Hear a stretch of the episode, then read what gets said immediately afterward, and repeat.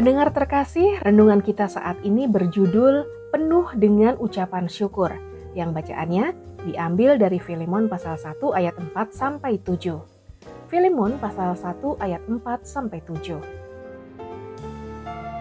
Ayat 4 sampai 7. Ucapan syukur. Aku mengucap syukur kepada Allahku setiap kali aku mengingat Engkau dalam doaku, karena aku mendengar tentang kasihmu kepada semua orang kudus dan tentang imanmu kepada Tuhan Yesus. Dan aku berdoa agar persekutuanmu di dalam iman turut mengerjakan pengetahuan akan yang baik di antara kita untuk Kristus. Dari kasihmu sudah kuperoleh kegembiraan besar dan kekuatan, sebab hati orang-orang kudus telah kau hiburkan, saudaraku.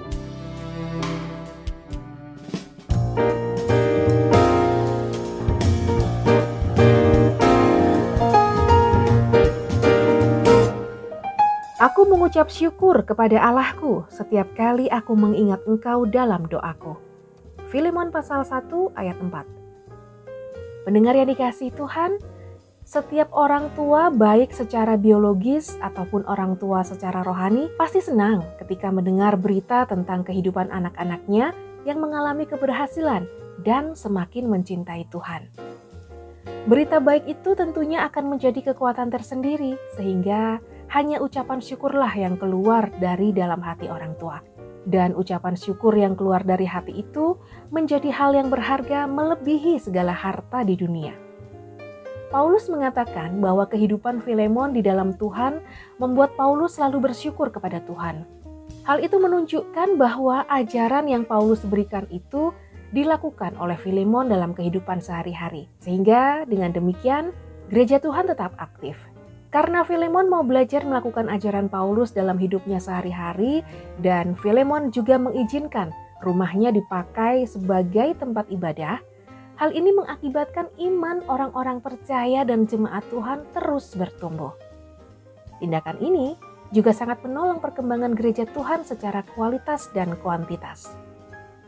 Paulus menjadi terhibur hatinya dan tetap bersemangat melayani Tuhan karena mendengar berita tersebut meskipun tubuhnya sedang dipenjara karena Injil Kristus.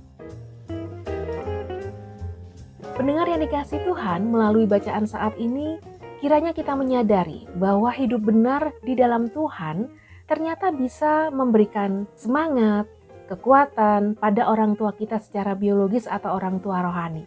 Selain itu, ketika kita hidup benar di dalam Tuhan, maka itu juga membuat hati orang tua kita selalu mengucap syukur kepada Tuhan.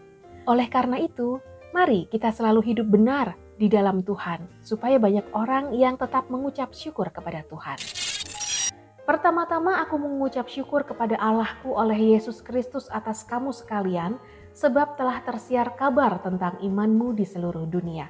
Roma pasal 1 ayat 8. Tuhan Yesus memberkati.